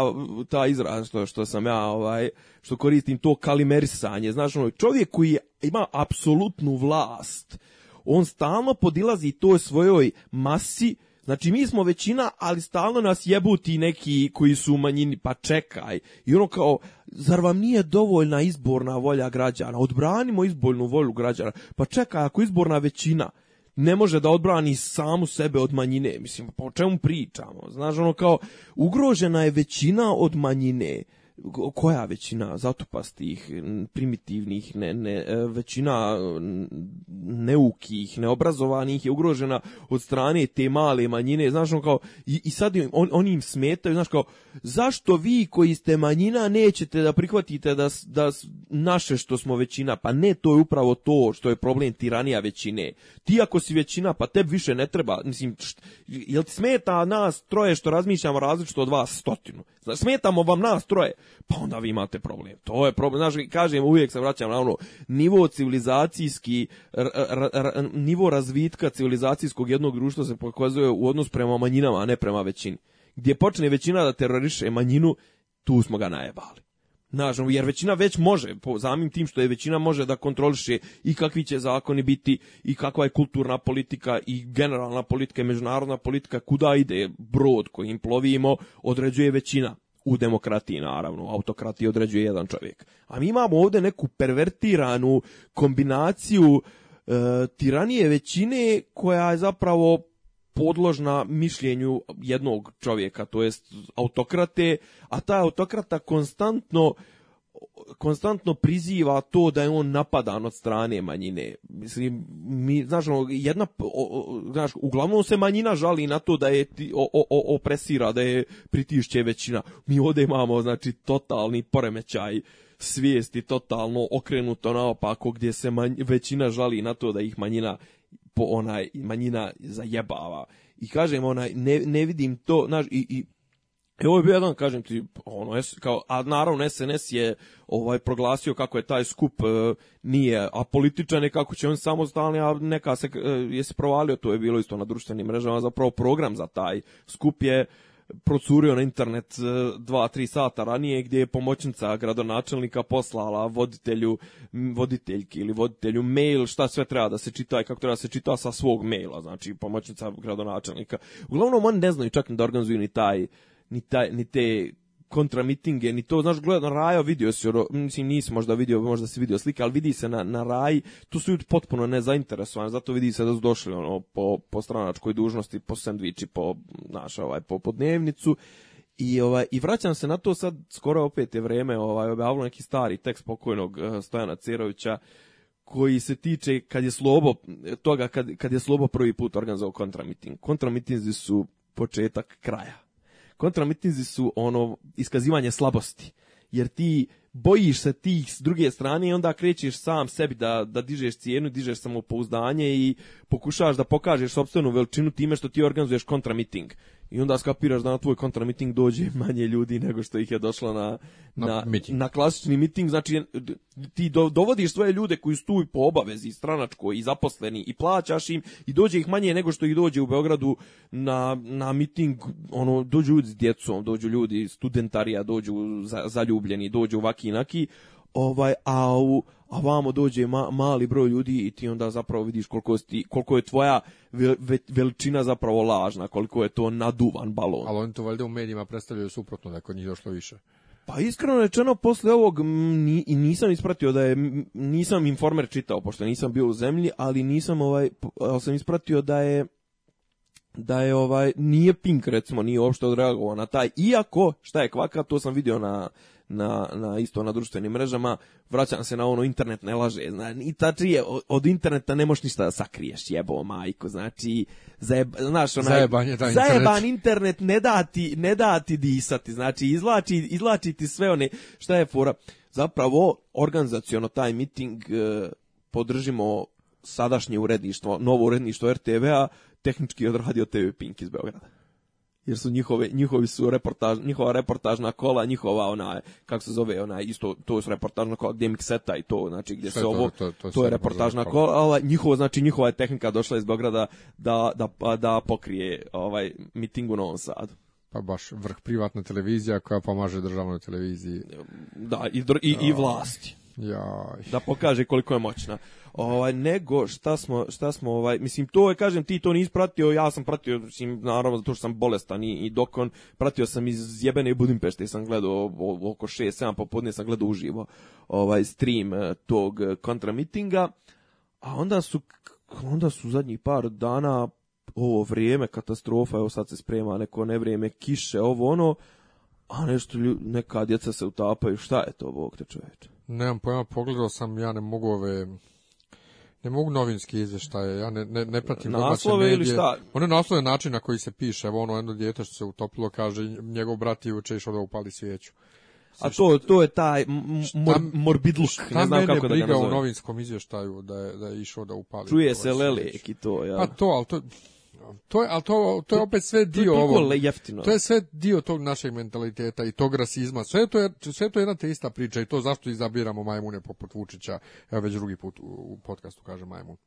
Ovaj, um, nego meni je mnogo zanimljivije i u tom slučaju, i u tom slučaju, ali i u slučajima bilo kojih problema s djecom Tijana Mala, ona i šta je mm -hmm. već sve bilo, dje, mo, meni je to monstrum. To je, dječak, čuven, to, je čuveni... to je monstrum, to, to, to, su, to su absolvirali. To srećom već dugo nismo imali, nadam se da još dugo nećemo imati. No, ali to da, novinari se uhvate za jednu riječ, pa misle da, da, da, da je ona služi za sve. Ali ovaj, um, ili dječak prije nje, godinu dvije ubijen, 14-15 godina, ubijen u diskoteci. Ja se uvijek pitam, čekaj, gdje su roditelji?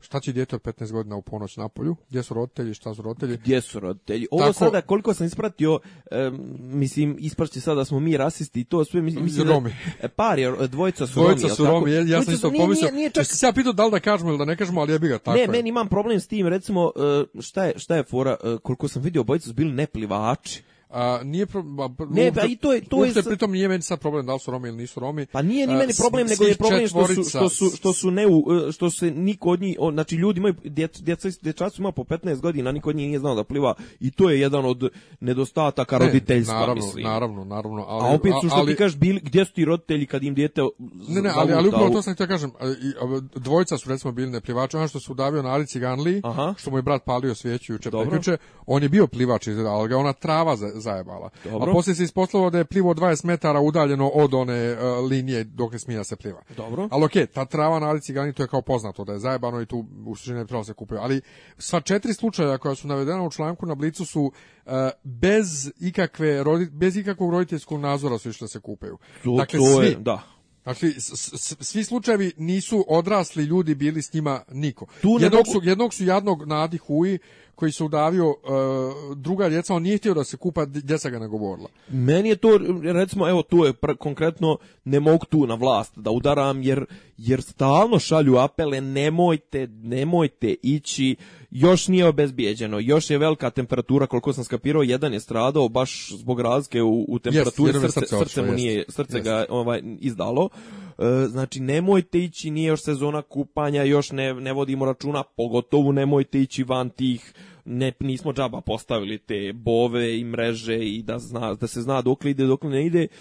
Mislim, znaš, ovo, razmišljaš, ta djeca, znaš, to nije nikakav ni izraz bunta, ni ništa, mislim, to nije, znaš, onaj, Nego jednostavno... Ne, promi, ne, ne, gdje, nepromišljeno. Gdje, da, ali gdje su, gdje su ti roditelji? Šta, šta, šta, šta? E, ali vidiš, e, ja sam juče bio ovaj, e, sa drugarom, sa brodićem na, na Dunavu, u stvari očito smo sa Dunava, sa Marine ovaj, u Zemunu, gdje, Dobro. gdje, gdje u, u, u, u Sidren, e, na Savu, do Ade Međice.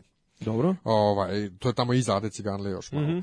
I sad ja hoću da skočim u vodu, temperatura 23 stepena, super je, a ja sam inače jedan od tih koji ne mogu, ovaj, ja, ja ne mogu da se kvasim pa da onda uđu u vodu, Aha, ja da. moram da skočim. Srećom, do sad nisam imao problema. I ovaj, on meni uporno govori da ne skačem sa, uh, kak se zove ovaj zadnji dio broda? Uh, naprijed je pramac. Naprijed je pramac, pozad, ne znam. Ono... Sa, da ne skačem sa zadnjeg, kao odnijeće te voda, ovdje su jake struje, Aha. nego skači sa strane pa da te voda donese tamo do kraja da se uhvatiš. Jako, čovječe, ne brini, ja sam odrastao na rijeci, ja znam da plivam uzvodno, da, da, nije da. problem. I Dobre, stvarno, na rijeci, na rijeci mnogo zajeba, nije ovaj, ja nisam skočim ja sa strane. Dobro. I stvarno, znači, vuče Sava ko tamo ovaj, dalje, ali svejedno, ja umijem da plivam uzvodno da. i uhvaćam sam se pomalo dobro, nisam imao nikakvih problema. Ali upravo to, e, čak i kod nas koji smo odrasli na rijekama, dakle ja sam rastao ovaj, u Derventi na Ukrini, u Doboju na Usori, e, u, u Kupos, na Drini posle u Bijeljni, da. Drina opasna uvijek. Drina je mnogo opasna. Drina da. stravično opasna i uvijek su nam roditelji, znači nama koji smo rasli na rijekama, bili ili ne daju da idemo da se kupamo sami, ili e, moraš da paziš, ne idi duboko, pazi čak i tu u pličaku ima nekad ono dubina i uvijek se znalo. A nekako imam utisak da, da u Beogradu ljudi imamo dvije reke da nisu svjesni opasnosti ovaj rijeka i da uopšte djecu ne uče. I no, baš... svake godine se to dešava, znaš, ni, ni, nikad da naučimo, nikad nauk, mislim, kažem, o, ovaj put stvarno ne ne mogu kritikovati nikoga ko je na, na nekoj poziciji autoriteta ni gradske vlasti. Pa ni ne može, je, ne može znači, gradska. Znači, ljudi stvarno ra, oni, oni rade svoj posao i mislim ne, izva, ne oni izvlače ovih pa prežive neki ovaj rade te službe spasavanja i, i, i znači i stalno šalju upozorenja nemojte to da radite. Evo ja sad kažem nemojte da radite da, to. A više evo Damir Okanović e, stručnjak za saobraćaj je danas napisao status. bezbednost, da. Pa da, utapaju se deca na rekama, ginu ginu u saobraćajkama, stradaju u požarima, ali ne treba nama u školama bezbednostna kultura. Hvala gospodine Verbiću. Tako da bi možda i u školu... Do, e, dobro, to je, vidiš, a recimo da, Damir da, Okanović je, mislim, i on je dio, hajde kažemo, establishmenta, mislim, on je dio vlasti, on je čovjek, ovaj, on je pri MUP-u baš za, za bezbednost u saobraćaju. I stvarno ta naša bezbednostna kultura je, mislim, to je od, od toga da, da pješaci pretrčavaju, ne znam, nija, na, na divlje, do, da biciklisti poštuju svoje, ali ne poštuju, znaš, onaj, e, da, da ljudi ne poštuju biciklističku stazu, a da biciklisti onda ili su prinuđeni da voze ili čak ni oni ne voze biciklističkim stazama, nego voze nekim drugim. Imao sam, imao sam ja tih problema baš u vreme kad sam Motoristi, vozio. ne znam, ono, mislim, motociklisti su posebna priča, ovaj, a isto ta, kažem, ta bezbedonosna kultura je to, E, neki dan, evo, recimo, da. Zaopelona, ja? Ne, ne, nego ja, ja bio u Budimpešti. I šta je fora? Ima, baš smo, otišao, otišao sam ovaj, da gledam utakmicu Mađarska Island. I ima na 5-6 mjesta u gradu, ima, imaju postavljeni video bimovi i zatvoreni prostori gdje se, gdje se e, gledaju utakmice i gdje su ono piće, klopa, ovo ono kao neki mali ono parkovi, znaš, ono kao mali beer festovi recimo, znaš, sa velikim I Sad imaju, znači svaki prostor je ograđen i svaki prostor ima ulaz. I šta je fora? ljudi broje i koliko je pri, koliko je primjereno da uđe. Ima još prostora, ali ne puštaju zato što je nije džaba ono kao safety instructions, znaš ono kao zašto se ne pušta na brod. Kod kojeg kod u Beogradu je do sad bilo slučajeva ono potopi se splav zašto? Zato što aj kaže gazda koliko joj ima ispred još 100 ljudi, ba pusti makar 50. Znaš ono da uzmemo koju cifru, znaš ono uvijek se stavlja profit između ti, to je taj nedostatak te bezbjedonosne kulture. Kažem ti, ovdje ljudi udarali crtu i rekli kad izađe prvi sledeći, prvi sljedeći, od vas može da uđe. Trenutno ovaj prostor može da primi 800 ljudi ili 2500, nebitno, ne može 2000, 800, ne može 3000 i poljade, iako mi tu prodajemo pivo, prodajemo špricer, prodajemo klopu, moglo bi se zaraditi više, ali jebo zaradu više kad neko pogine.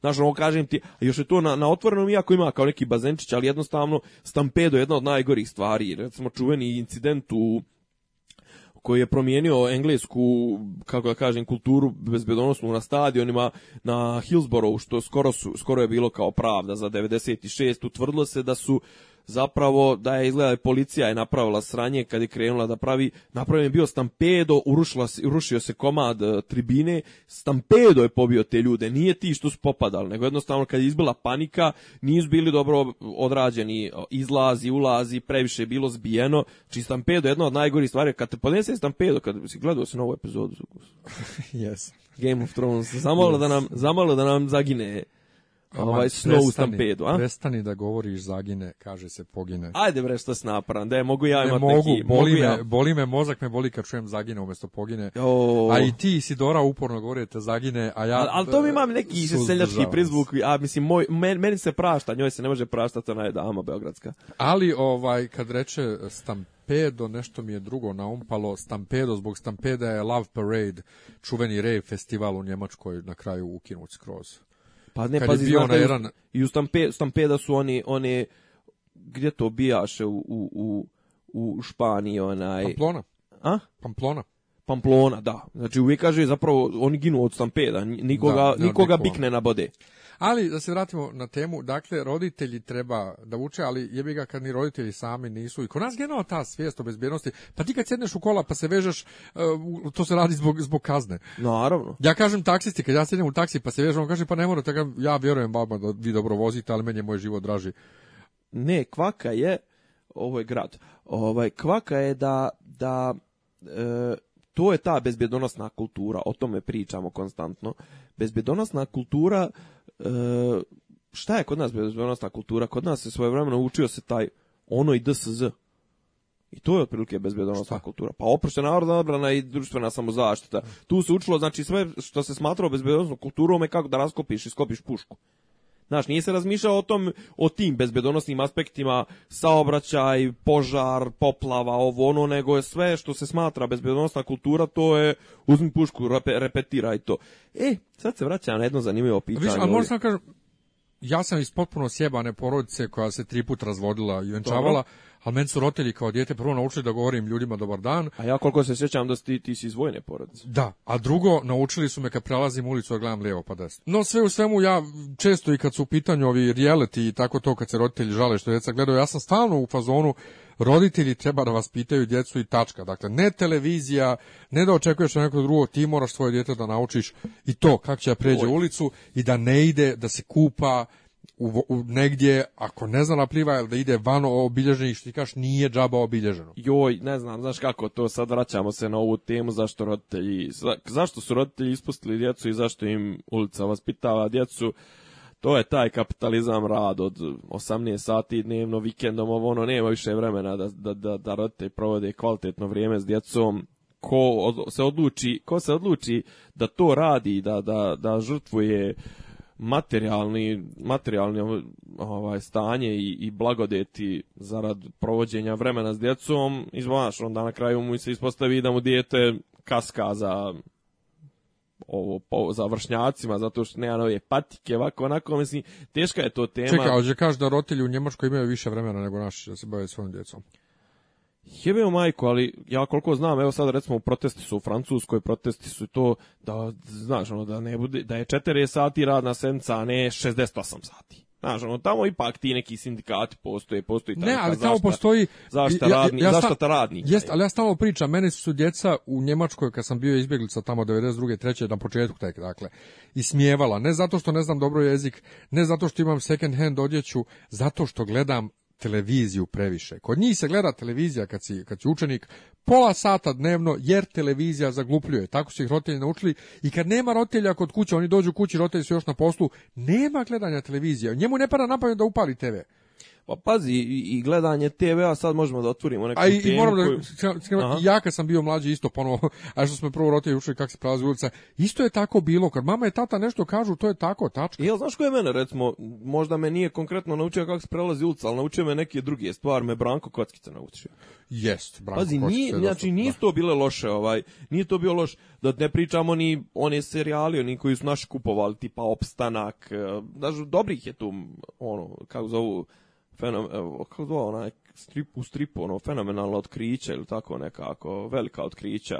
Ovaj, znaš, ne mogu ja da kažem da je tadašnja popularna kultura, mislim, tad je popularna kultura imala stvarno edukativan karakter, sad popularna kultura, bar za tu neku omladinu, ima to neki kao Dora the Explorer, nemam pojma, ali iskreno rečeno ja ne vidim neku vrijednost u tome, možda zato što ja bi dalje volio da gledam ono što sam gledao kad sam gledao kao klinac, tipa kockicu, tipa ovog onog, ali, znaš, evo sad, umro je Manda.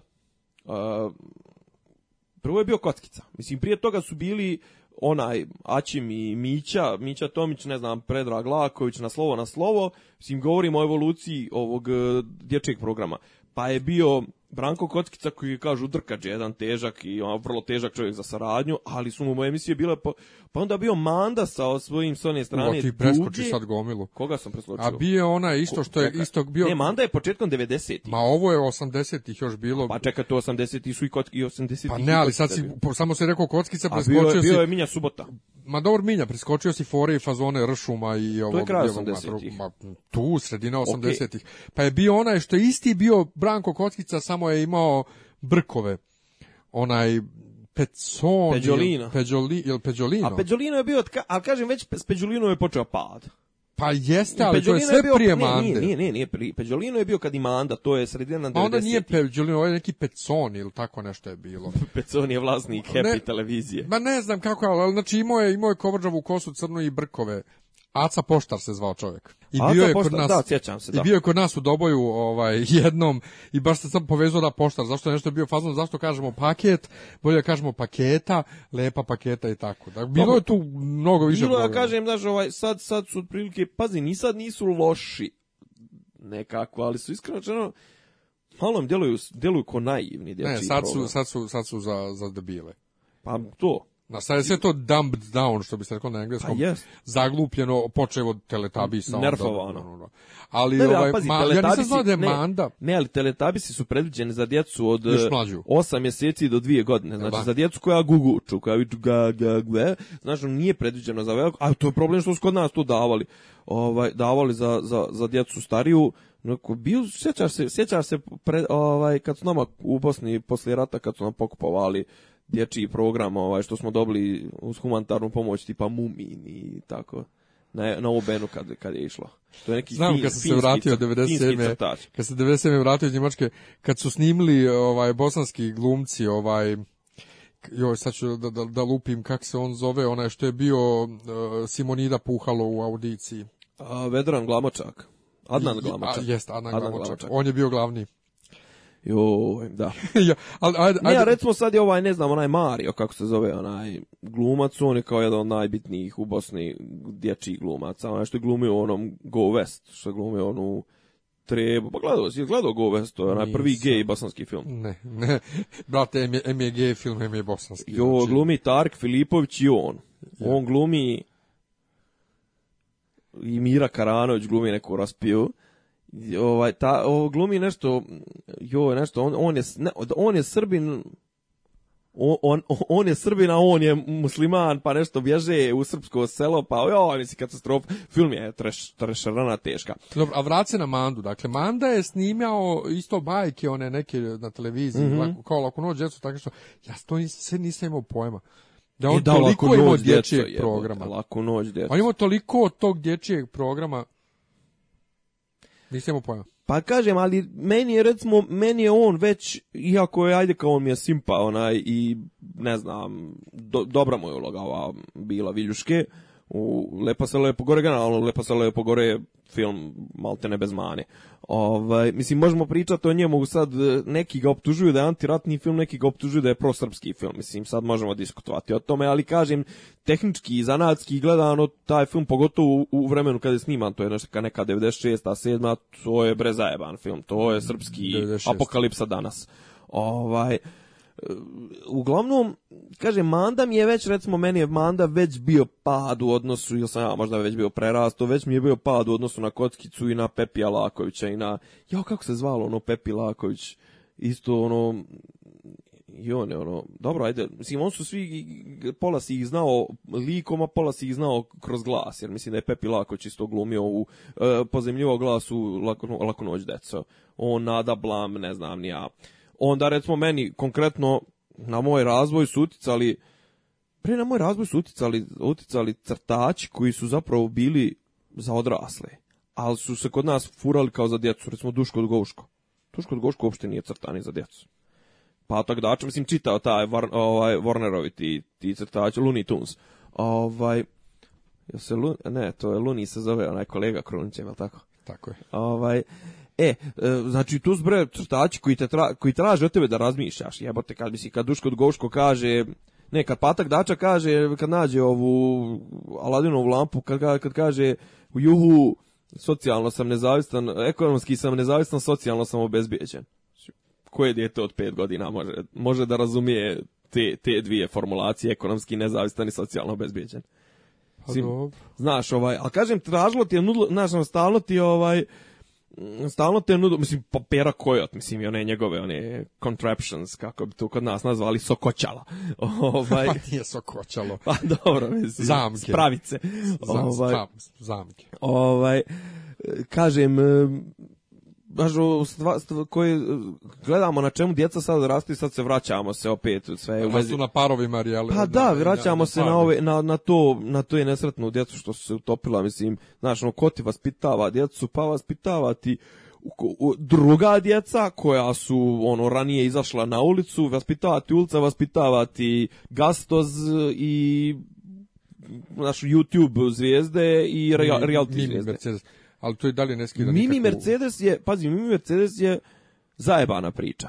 Me, ja nemam ništa protiv Mini Mercedes, mislim... Ja nemam ništa ni protiv tre, brate. Trepi, to sve, ali kažem, to recimo, to je već za slušanje tamo negdje kad imaš jedno 16, 18, 20, mislim to zajebane. I druga stvar, kakve se sad vrijednosti, ali mislim vrijednosti se proturaju kroz sve i svja, mislim i gledaš ti kažem, mislim da ja smo pomnjali IT, ona Leni Riefenstahl, ono, Triumf volje, mislim, vrhunski film. Ono promovišu neke druge vrednosti, ali ja mogu da razlučim to da je to dobar film i dobro snimljen film i do jaja korištene taj neke rješenja tehnička i kamerma, ovaj, kamere i to, od toga kakve vrednosti promoviše, mislim, znaš. Tako da, ne znam, ne znam. Dobro, I dalje, ništa to ne skida odgovornost roditelja. Apsolutno. A hoćemo da pređemo malo na, na neke preporuke, a? Jo, šta, šta, šta, šta da ti preporučim kad, kad sve znaš? Ja sam, ja, ja, ja imam nešto što ne znam zašto ja to preporučujem i to nije, ja, ja time ne želim da se bavim, ali ovaj, to zabavno je napisano i navelo me na neka razmišljanja o čemu ću morati malo da pišem, a to je knjiga Dragoljuba Žarkovića, ova napredna knjiga. Imaš to? Imam. Nemoj sra, svaka čast. Hronika ovaj, godine uspona Aleksandra Vučića, znači to je, kao što ti vjerojatno već znaš, knjiga sastavljena od njegovih tekstova koje je pisao svake u, uvodnici, godine. Uvodnici u, da. vre, u, vre, u znači, vremenu. Znači od 2012. do 2015 e, znači jedna hronika Vučićevog uspona i vladavine. Vučić je stalno tu knjigu pominjao, mislim, pominjao je u predzbornoj kampanji, stalno ima onaj neki... Pa izašla je 7. aprila na moj rođendan. E, da. Ovaj... Nismo se dotakli jedna zanimljiva danas je. Mišković je dobio 5 godina zatvora. Ja sam vidio neke članke o Miškoviću danas na netu, nisam bio siguran zašto ih jutro, kače. Jutro već, Mišković. Je. Ja jutro već u devet, onaj, de, već u devet bio sam nešto na Banovom brdu i stiže mi notifikacija, ono N1 kao Miškoviću pet godina. Što je, šta je zanimljivo tu? Mislim, Mišković je, Mišković je uvijek ga je Vučić navodio kao finansijera te knjige i generalno vreme smatra se da, da Mišković finansira vreme priča se. Uglavnom, Mišković je dobio pet godina za podstrekavanje na djelo za koje je njegov sin dobio 3,5 godine. Znači, onaj koji je nagovarao je dobio više od onog koji je izvršio djelo. Da stvarno hoćeš da komentarišemo naše sudstvo? Joj ne bi. Mislim i cijelo oko Miškovića, ja kažem, i, i sudstvo, ne treba je, hapsiti. Sudstvo glede toga je vidio da je, ali ja to nisam ispratio, svi da je Kesić dobio neke pretnje. E, nešto zbog Republike Srpske što su A kao tipa da je montiran Pa izmon, ja nisam gledao ni original, Oni ni su napravili neku neku šalu. Nemam apsolutno nemam pa prošlo ja ne gledam Kesić, ja meni Kesić nije smiješan, ne volim i ovaj neko pa isto pa reko možda Viktor, možda ti gledao ja nisam recimo Viktor zove Viktor Marković a iz Njuza iz Njuza da iz Njuza, da. Da, da, on je da. nešto komentarisao da da su napravili pre dvije godine recimo u nekoj emisiji mm -hmm. tu foru sa Republikom Srpskom ali da je on tad još bio u fazonu da ne bi trebalo ali ajde da ostane ne ne ne ne nije preošlo da se ne pominje Republika Srpska Aha. I onda su uzeli neki izmontirali, izmontirali da izgleda da ismeva Republiku Srpsku i sad je Viktor Marković rekao da više Republiku Srpsku neće pominjati uopšte ni u kakvom kontekstu nigdje. Ovaj, ali je Malo su i ovi osjetljivi, mislim, da- ali jebe mi se i za Kesića i za Republiku Srpsku iskreno. Pa brate, kad, mi kre, kad krene Vučić da brani Republiku Srpsku, Vučić čega se ufatio, to se osušlo. Dobro to, nego sudstvo, ovaj, dakle, ne treba, me, što me cijelo priča oko Miškovića uvek nerviralo ne treba hapsiti Miškovića, treba hapsiti one ljude koji su namestili zakoni da budu takvi da on može raditi to što radi. Druga stvar nije valjda da je da se od Miškovića niko nije omrsio. Da. Ne, kao sad ovo recimo sa sa sa Beogradom na vodi.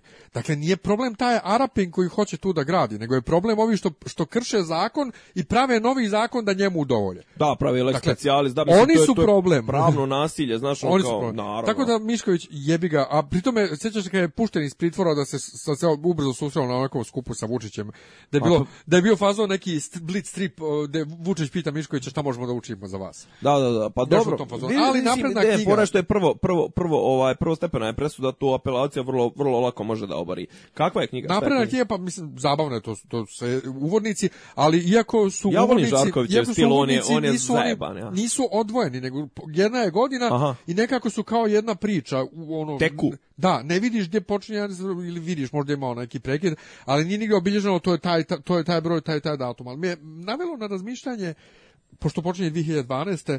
Da li je možda 2012. ipak bio smak svijeta? Majanski. Pa da, I, znaš da smo čekali sam... smak svijeta, bio, a taj smak svijeta je 20, možda bio... 21, 12, 2, 0, 1, 2. Tako, možda je bio kod nas samo smak svijeta i otad imamo vakat Vučića.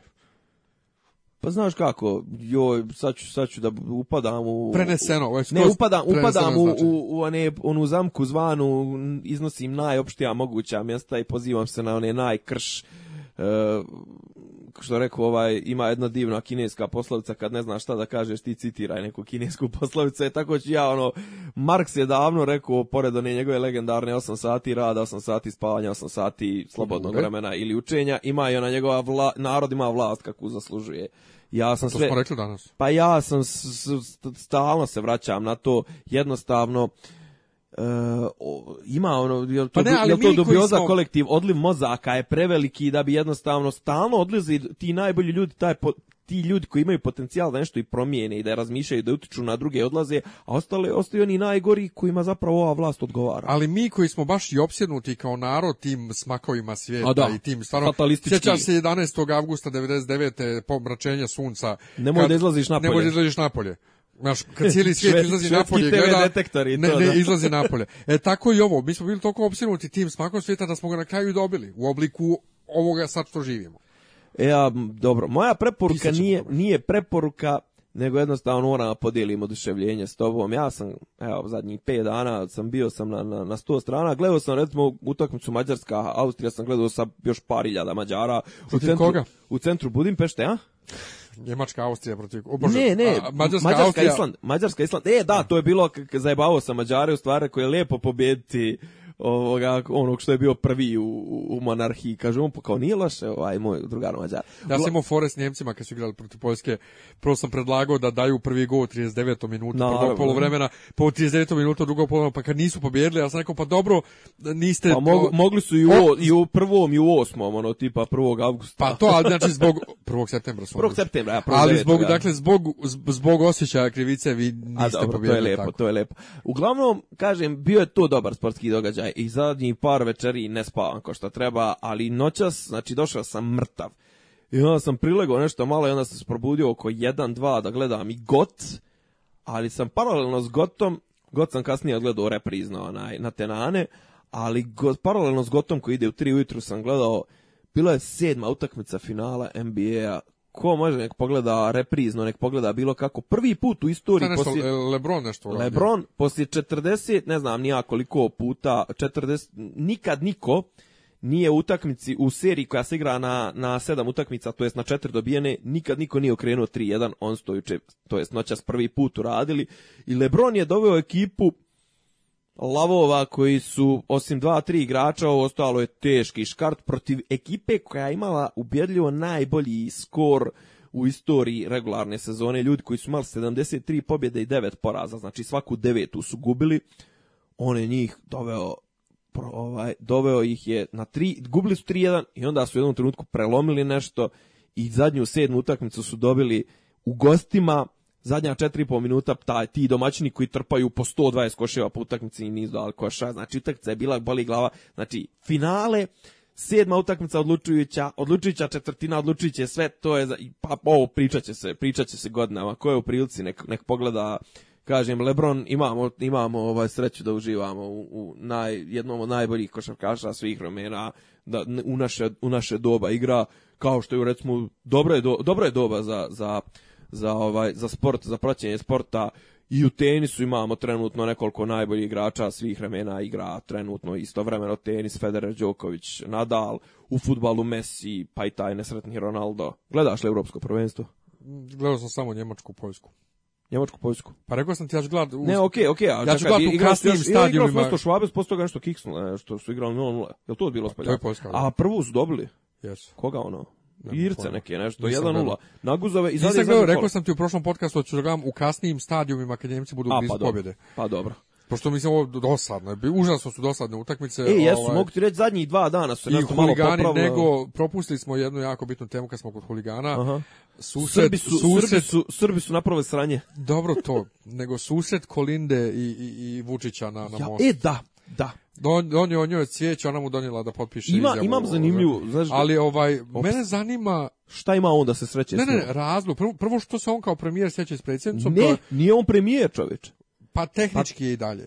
Ali trenutno imaš ti tehničkog premijera u Hrvatskoj pa on ne ide nigde. On je mandatar jebote. Dobro, dobro, ali svakako ali, čak ali i da je mandatar, pa naravno, pa mi imamo predsjednika je... koji je koji je legitimno izabran ima, u, u aktuelnom je mandatu. Ali ne, ali čak Zašto i da je... se Toma nije sreo s njom? Ne, ali, ali još jednom, čak i da jeste premijer Vučić trenutno pravi pravcati da. premijer, ne, mo, ne treba on po protokolu da se sreće sa predsjednicom. A o tome kažem, zašto se Toma nije sreo s njom? A i zašto su se uopšte sretali i potpisivali? Šta je sad povod? U, pa, da pa kaže da su to dogovorili. Pa ne, kaže da su to dogovorili na onom mostarskom onom sastanku prije par mjeseci gdje se zapravo nije se znalo šta je frka. On je mislio da će dotad e, biti formirana vlada u Srbiji, a i istovremeno s hrvatske strane nije se očekivalo da će biti ovaj raspad vlade, vlade, jer je trebalo je da bude premijer njihov i onda zapravo njihov ovaj premijer je trenutno negde u Rasulu, ovaj e, treba predsjednica da raspiše nove izbore koji će biti u rujnu ili te septembru, a ovaj kod nas pošto je jel ovaj on je on ne može da dozvoli na bilo ko šta drugi radi nešto za što je on bogom dat, on nije htio da pošalje Tomu, što je sasvim pa ne, što je, je bio zauzet Kinezom. To, Toma, Toma, pa to je danas, pa bio je Vučić bio zauzet Kinezom. Pa ne, to, ne, Vučić je bio domaćin Tomi i Kinezu. pa znam, ali sve je to jedan dan. Kinez juče je otišao popodne. Toma je mogao da se spremi to, ali Toma... E, a šta je fak, fakat fra, caka kod Tome? Tom boli kurac da ide u dalj, u Vukovar, pa i u, i u Zagreb, i u Sarajevu, u Banja Luku, Toma je Kuba, e, ove, kak zove, Južna Afrika. to, Angola, eventualno Kina, znaš, ono, Toma, Toma i familija vole malo te egzotične destinacije. Tako je. Gdje ćemo, da, na, gdje ćemo mi, na koje ćemo mi egzotične destinacije? na godišnji. Najegzotičnija, Najegzotičnija moguća. moguća pizda materina. E, dakle, susreli se i potpisali tu neku izjavu, nešto. Pa nešto, tipa, kao vrijeme, ne znam da je Kolinda bila najavila, tipa vrijeme za otopljavanje odnosa. Stigla mi je notifikacija, jeste, on jedan, jeste. od jedan, jedan, neka deklaracija se zove, e sad, deklaracija o zbližavanju... O zbližavanju, o otopljavanju What i rešavanju otvorenih pitanja.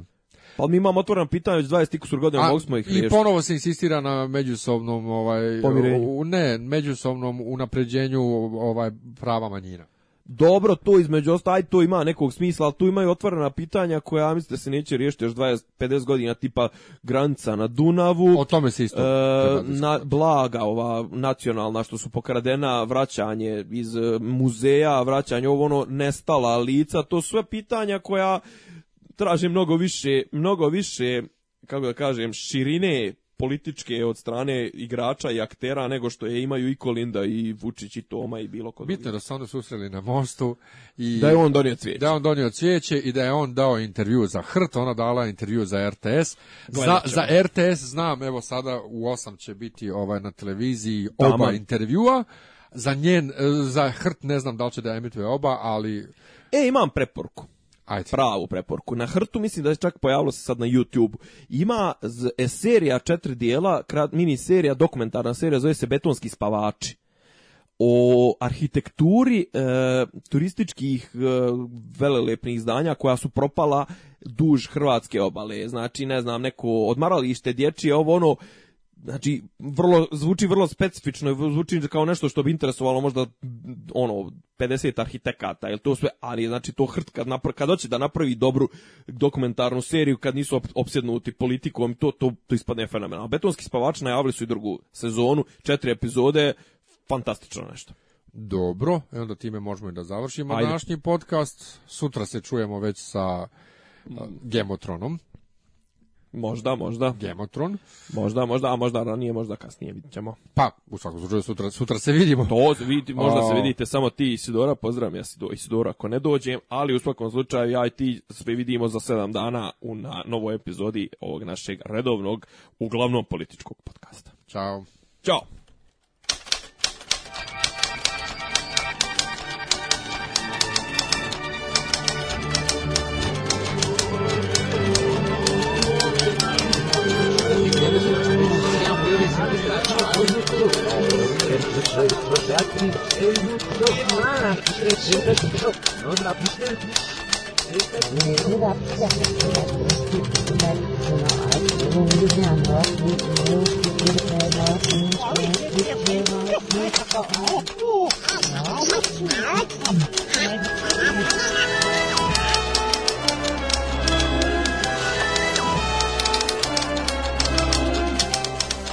Dopisi iz Disneylanda. Tišina tamo, ništa mi nije smešno.